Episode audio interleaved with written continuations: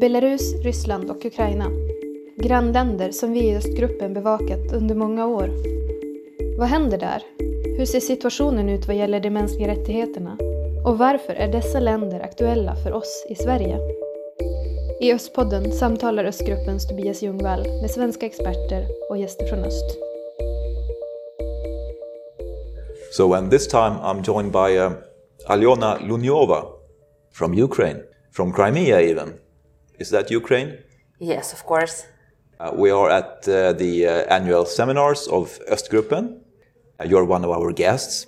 I think our listeners may have already read about you by now when we are publishing this. You are the Human Rights Defender of the Month for Östgruppen.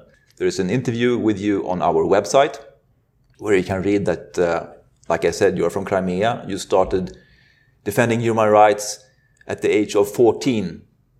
And I gather this was in 1987, which means that you are and I are of, of equal age. we were born the same year, I think. At that time, uh, one of the topics that brought you into this sphere was, was uh, domestic violence and uh, maybe trafficking also in human beings. Human trafficking, yes. But now things have changed very much for you Since 2014, actually. because then Crimea was occupied by Russia and you left. Yes, I literally forced to left my home and left my my family and my flat and all my life.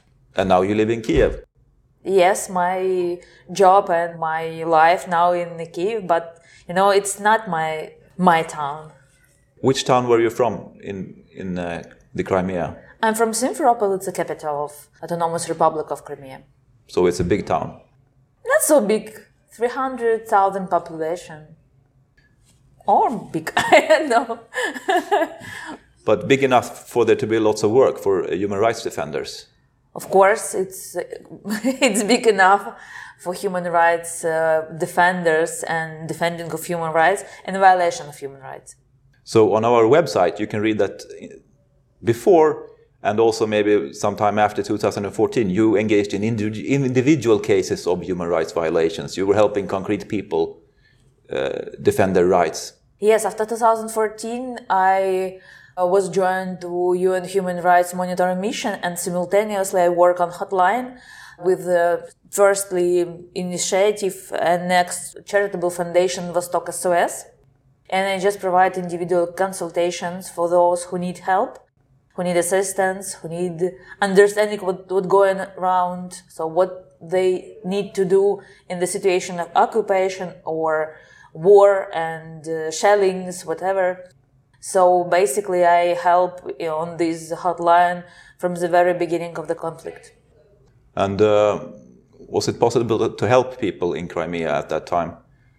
At least uh, I could answer for their questions, for example, about citizenship. You know, after the occupation, Russia Federation want to spread Russia citizenship, and uh, um, those who are living, who was living in Crimea, received this citizenship automatically, and you could refuse. And uh, recent, uh, not recently, but uh, frequently asked, I was asked, uh, should they need to refuse from this citizenship? Yeah. should they need to be in this procedure of refusing? And this was a question. And did many people refuse Russian citizenship? Three and a half thousand at least. And what happened with them? They, they their rights um, are really limited if they are staying in Crimea. So they are actually still Ukrainian citizens, not non-Russian citizens, Yes. but they live in the Crimea. So they need to have these migrants, you know, documents, certificates, and all those, uh, all those uh, documents which need um, a person from abroad in our country or your country. So if they, so they're foreigners actually in Crimea, And- even they born in Crimea. and if they happen to to uh, do something illegal or are judged to be illegal, they could perhaps be deported as Yes, foreigners. they could. Does that happen? Yes, we received several reports about that at the very beginning of the conflict in 14 or 15, but now we do not have such cases. So, but you yourself, you left for Kiev, Yes. and uh, your work changed from these individual cases in time, you started to uh, work on a advocacy level, trying to influence the Ukrainian government to handle the, the problems that you saw in uh, in this conflict and this occupation.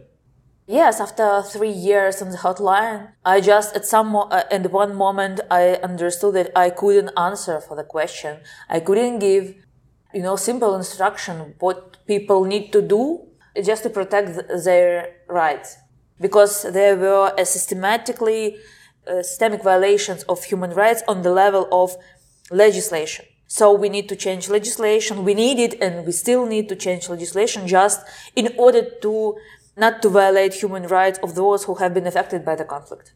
What sort of legislative changes are needed? For example, we need a clear procedure to receiving pensions of those who are stay on the occupied territories for, of Donbass. Because now, after COVID-19 restrictions and quarantine, which uh, have been occurred in Ukraine, for now we have, uh, you know, the we have decision for this problem, temporal decision. But uh, in the future, we need to clear mechanism how people who live on temporary occupied territories can receive their pensions without registration as IDPs, as internally displaced persons, because they are not IDPs. Yeah, we mentioned this during the seminar, and I actually recall that we, we uh, it was mentioned during a Ukraine seminar we arranged two years ago. This problem that uh, the Ukrainian government actually wants people to uh, to leave uh, the occupied territories yes. in Donbass, maybe also Crimea. I'm not sure. Not sure, Donbass. Just in Donbass to become refugees, internally displaced people in their own country, and uh, as a carrot or as a stick, they use the pensions. And uh, this is uh, not a very humane policy. You have to, to go to the controlled territory to get the pensions except during the pandemic, this has not been possible, so they've been getting their pensions anyway. Yes, but, but really, authorities doesn't want to have these people here in Ukraine. They just want them to cross the contact line every 60 days, just to provide provide some identifiable procedure. That's all. Aha, so they don't want them to, to actually move into no, Ukraine proper? Of course, or... no, because it's probably half a million people. Yeah. So this should be easy to change then. Why make them cross the border? What's the motive for the Ukrainian government? Because really now we do not have half of million people who cross uh, the border each two months. So not really all pensioners use this procedure somebody just can't and they do not receive their pension. Yeah. And this is economy actually. Oh, they want to save up on the pensions. Yeah. Uh huh. Now we have probably more than 100 billions, billion grivnas as a debt about for to, pensions. To the pensioners. Yeah. What's the rate for grivna right now? How much? How uh, many euros? euros? Probably 300 333 okay so we're talking about a lot of money. Yes it's yeah. a lot of money. Mm. also in your advocacy work that you do these days in kiev uh, you are working for um, new transitional justice laws. What is that? That is has to do with the future when ukraine perhaps will get donbass and maybe crimea back it's not a legislation or, or, or, or, law, it's about conception or vision for transitional justice approach in Ukrainian legislation. Now we have different pieces of legislation which uh, try to solve problem with IDPs, with um, those who have been um, who have missed in the conflict, somebody who live on occupied territory of Crimea, somebody who live near contact line, etc. So we have different pieces of legislation, but we do not have vision. Why we need those pieces of legislation? Because they try to, you know, just solve very, uh, very, very tiny problems without vision for what, for which goal we need to solve all these problems. So I think with my colleagues that transitional justice approach can give this framework for first of all understanding why we need to do all these steps just to solve you know individual or just very tiny, tiny problems or tiny cases. And second, what the future we see actually. Because the, we do not have now discussion about the future. You know, future with deoccupied territory, a uh, territory which will be deoccupied by Ukrainian government with Crimea and Donbass. Of course, we understood that for, you know, eight years, those occupied territory was, not was, but are under a huge pressure of propaganda, Russia propaganda, and we live in different societies right now. So we need to have a recipe how we work with all these problems in the future. So a transitional justice approach said us about the framework and about um, this goal, and this is important for us. When do you think this will happen? The occupation? Yeah. Um, I don't know, but I want to be ready for this moment and want to, and I want to stay, need to, state need to be ready for this moment. Is the current Ukrainian government uh, receptive to your suggestions? Um, probably yes, more than no, because we have now we have two state bodies which uh, have this transitional justice approach which they need to you know, create in uh, their obligations. It's a Ministry of Reintegration of Temporary Occupied Territories. oh, there is a ministry for that even. Yes, yes, we have a ministry for that. But they don't have much work to do so far. no, it's former ministry about IDPs and temporary occupied territories. So it was established in 2016, and it's you know fifth year of this ministry. And second body is a permanent representative of President of Ukraine in Crimea, which is uh, now on based in Kiev in exile, but it's, it exists and works actually. So we have two bodies which should provide this transitional justice approach in the state policy. So yes, uh, the state want to, to achieve this goal and, and make our Ukrainian model of transitional justice. On the other hand, they need to have this transitional justice, but there is a lack of understanding what is it actually, what they need to do, and what they could do now, or try to write uh, write a piece of legislation now, and what should just wait for the moment in the future. So we have uh, discussions, but we work on this field. Hmm. And this uh, ministry, you said they're also working with IDPs. I understand there's been a problem of providing housing to IDPs in Ukraine. Has that been solved now, or what's the situation? Do you know?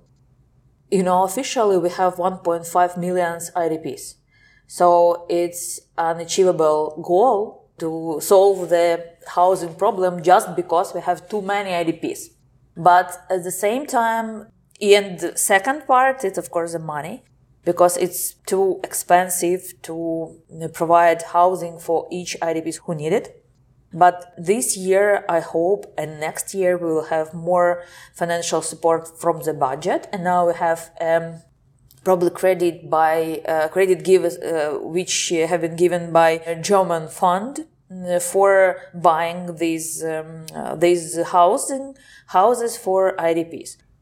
So I hope that Ukrainian government will have different mechanism for solving this housing problem. Mm. In, in the future, but it's not you know short perspective right now. I guess most of these people left years ago, and they are living now in crowded conditions, or no, they rented. Mostly, they rented a flat. Yeah, they they are renting a flat, and we have only seven thousand people who live in it's not a camping, but it's a place where the temporary was um, put by the put, put by the government. It's not really comfortable comfortable places, but it's not you know a tent in the field. Uh, and of course, those uh, collective centers need to be not replaced, but those people need to have the houses uh, decision from from the government, temporary or permanent, but they need to have until um, the occupation happens, if it happens, people have to live in uh, in the Donbass. And uh, could you tell us something about how they live there? uh, on NGCA, non-government control areas. Oh, Well, I was thinking more about the, the separatist controlled areas. So it's it's called uh, non-government control areas. Yeah.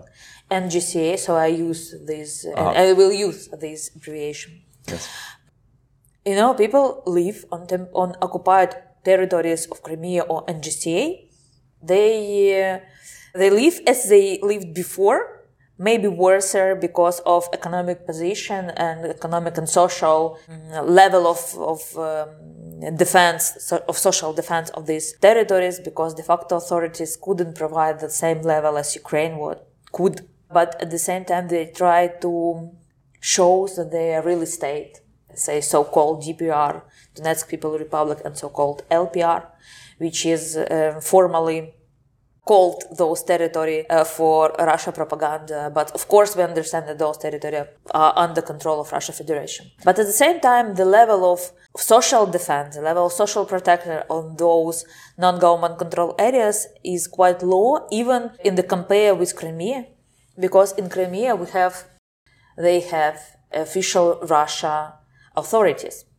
So Crimea now the, is occupied by Russia Federation. It's you know in in the uh, right system, uh, law system of Russia Federation, but the non-government control areas of Donbass are not.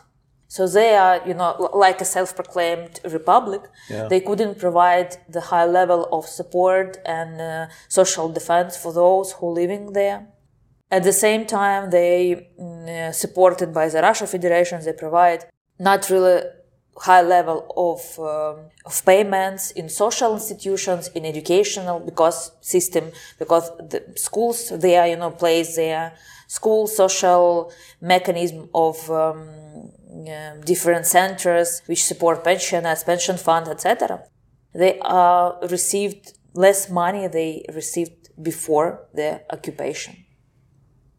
But this, the same teachers keep working in these schools, and also the, the healthcare is the same nurses and doctors are, are So- still working there. And Yes, you are completely right. So they are just replace the flag, but they not replace the people from Yeah. from their positions. it's just the leaders are different. They don't have the local. I mean, in the beginning of the occupation, we saw these rather colorful uh, gangster type occupants. They had funny names like Motorola, and uh, they got blown up in, in elevators, and uh, and they were running things in, in Donbass. But now, who actually runs things there? I mean, we're talking about Russia, it's controlled from Russia, but what kind of top civil servants do they have in, in Donbass? Are they people with tattoos and guns, or is it other sorts of people? Now there is the the sort of people which was before, but now they're in suits. They try to really show that they are really state. That what they created, they are really state and they are really government. They're government officials. They want to be government officials Yeah, yes. and look like that, Yes, they want to look like. You and know, they are educated, as, as No, you should be if you're a government official. Or Of course, uh, not. So there is the same people, but they looks like a- another. okay, they're dressed up as government officials. You know, we understand because of surveys, and not just we in Ukraine, but Russia surveys surveys uh, shows show the same that people on this territory are just tired from the status quo, and they do not want to be the part of so-called Donetsk People Republic or Lugansk People People Republic. They understood that they do not have future in this status. What do they want? Do they want to get back into Ukraine, or do they want to join Russia? one of those options will be okay for them. According to focus group, we do not have, you know, quantity surveys with right numbers. We do not have any chance to have these numbers, really numbers from this territory, but we understood uh, the trends. And the trend is to be in real estate, as a part of real estate. And we understand that probably they won't be the part of Russia anywhere. But these all games with citizenship, with uh, taking part in the elections, whatever Russian do on this territory, Lots of people in Donbass have gotten Russian citizenship. probably yes. Yeah. According to Russia sources, it more than eight hundred thousand people. And how many people are there in the Donbass? Nobody knows. but we are talking about maybe a few, how many million? uh, maybe 2.5 or 3 millions. We do not know. Yeah. No, actually. So maybe a third actually has gotten Russian citizenship already. Or maybe less. We don't Yeah. know because it's Russia Federation who spread the Russian citizenship and they really keen on keen on it just to show that everybody on this territory has got a Ukrainian uh, Russia passport. Could, could, could it ever happen that the Donbass became an independent state on its own and got recognized by the world? No, I, I think that there is no chance to have mm, this situation which which you're talking about. I, I don't believe that Donbass, a non-government controlled area, so Donbass could stay an independent state, a really independent state, because they do not have uh, enough, res- probably resources, I can say, just to be an independent state. Alyona Lunyova, thank you very much for talking to our podcast. Thank you. Thanks a lot for listening to our podcast. I'm the editor and thought I'd point out that we have recorded all the seminars from Östdagarna. They will be published on our YouTube channel, so why don't you go there right now and subscribe? Thanks!